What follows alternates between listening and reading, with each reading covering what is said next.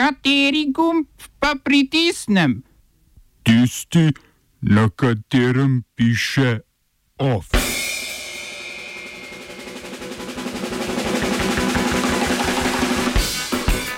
V spopadu na indijsko-kitajski meji padlo 20 indijskih vojakov. Kitajska ponovno zaostruje ukrepe proti koronavirusu. Komunala Krano vadila nekdanjega županskega kandidata Zorana Stevanoviča.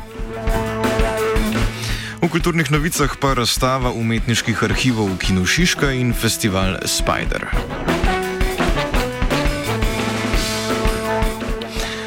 Dobrodan, napetosti na himalajski meji med Kitajsko in Indijo so se še zaustrile. V spopadu med vojaki je po poročilu indijske vojske umrlo 20 njenih pripadnikov. Kitajska stran o žrtvah ne poroča, neuradno zato, ker ne želi, da bi incident razumel nacionalistične občutke v domači javnosti. Pri incidentu ni prišlo do streljanja, pač pa so se vojaki spopadli kar s palicami, kamni in lastnimi pestmi. Večina padlih vojakov je umrla, ker so med pretepanjem, ki naj bi trajalo pozno v noč, omahnili v prepad.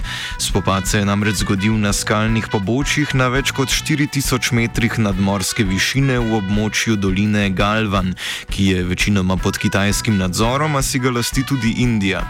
Slednja v zadnjem obdobju ob meji intenzivno gradi vojaško in drugo infrastrukturo. Indijski premijer Narendra Modi je za petek sklical sestanek vseh parlamentarnih strank, približno 1600 delavcev, ki so bili na poti na cestna delovišča na indijski strani meje, pa so vrnili domov.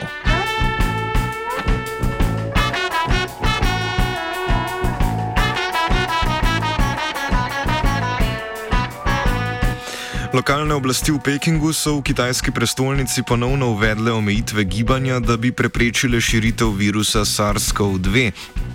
Število novo zaznanih okuženih se je v mestu z več kot 20 milijoni prebivalcev v zadnjih dneh spet začelo močno povečevati.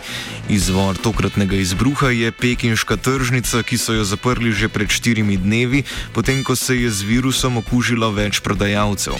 Oblasti so sedaj uvedle še dodatne omejitve, tako da je bilo odpovedanih več kot tisoč letov iz osrednjega letališča, pouk pa spet poteka nadaljavo. Za okoli 90 tisoč ljudi, ki živijo v četrtih v bližini tržnice, so oblasti uvedle karanteno.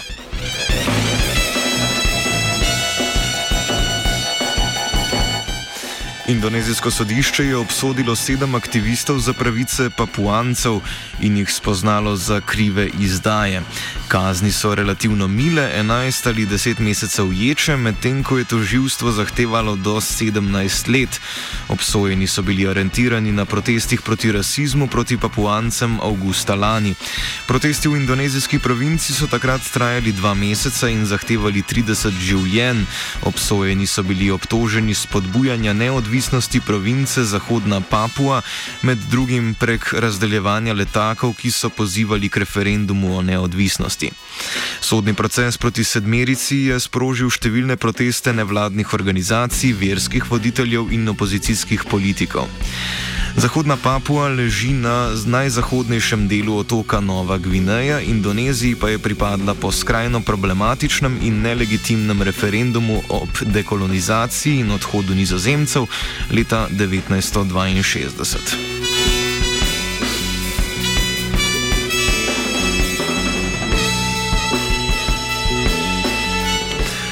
Armenski parlament je odločil, samo moment. Se upravičujem, torej armenski parlament je odločil, da se Gagiku Carukjanu oduzame poslanska imuniteta in se dovoli, da je pridržan zaradi suma prevare. Carukjan je voditelj največje opozicijske stranke v parlamentu, v katerem ima vladajoča koalicija sicer ugodno večino, Carukjanova konzervativna stranka pa je na volitvah pred dvema letoma osvojila nekaj več od 8 odstotkov glasov. Pred vstopom v politiko je bil ta eden najbogatejših armenskih poslovnežev v času mandata nekdanjega predsednika Roberta Kočarjana. Je veljal za najvplivnejšega med oligarhi blizu tedajni vladi. Kočarjan je predsedniški položaj zapustil lani po protivladnih protestih, ki jih je vodil sedanji premijer Nikol Pašinjan. Carukjan je obtožen kupovanja glasov in goljufije pri nepremičninskih poslih, zaradi česar je v nedeljo policija pri njemu opravila hišno preiskavo. Oba, če, če bom odgovoril na angliški. Slovenija will try to help. We can Slovenija will and we will do our utmost To say that the situation is our problem ourselves. and uh, We will make further steps as soon as the conditions are bomo vlado Marjana Cererja, Mira, eh, Marjana Cererja Šarca podprli. uh, very, very serious. we know how and we will.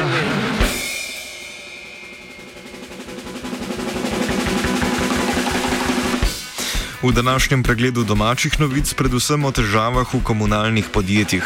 Začenjamo v javnem komunalnem podjetju Prodnik, ki si ga delijo občine Domžale, Trzin, Mengeš, Lukovica in Moravče. Predsednik sindikata Prodnik Boštjan Novak in predsednica sveta delavcev Tadeja Jenčič sta objavila javno pismo, v katerem kritizirata praktično vse, ki niso po godu sedanjemu vodstvu podjetja, kot naprimer moravškega župana Milana Balažica. Glavna tarča pisma pa sta predsednik in podpredsednik konkurenčnega sindikata Vir Tomaš Ličen in Blaž Jazbec.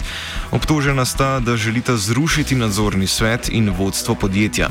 Sindikat Vir je bil ustanovljen zaradi spora o obravnavi agencijskih delavcev, več o ozadju pa predsednik sindikata Tomaš Ličen.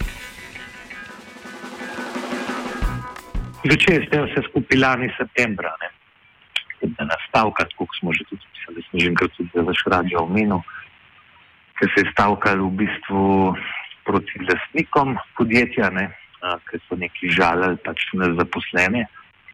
Ampak predstavljam zaposlenim je bilo, da se pa stavka zaradi malce, ki se je šlo takrat za tisto eno zakonodajno pobudo, da, da bo prehrana plačana. Tako da ko je bil oktober en pravilnik in vse od takrat naprej so se v bistvu zadeve začele stopnjevati, tako da ta zadeva se v bistvu več kot pol leta že vse skupaj tako aktivno dogaja. No.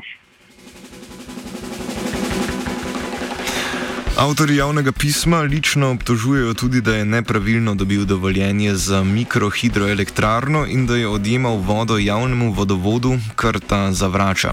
Pri tem mu je pritrdila tudi inšpekcija direkcije za vode.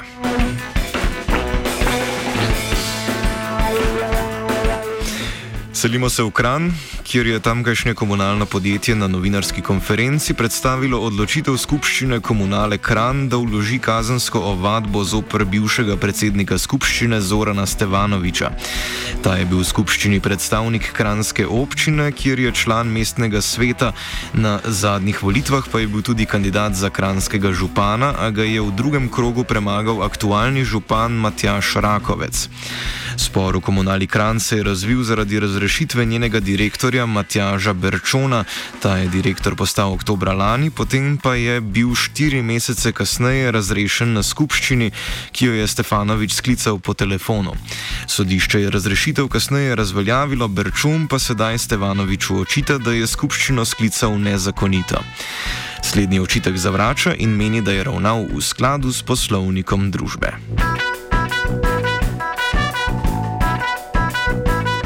OF je pripravil Gal.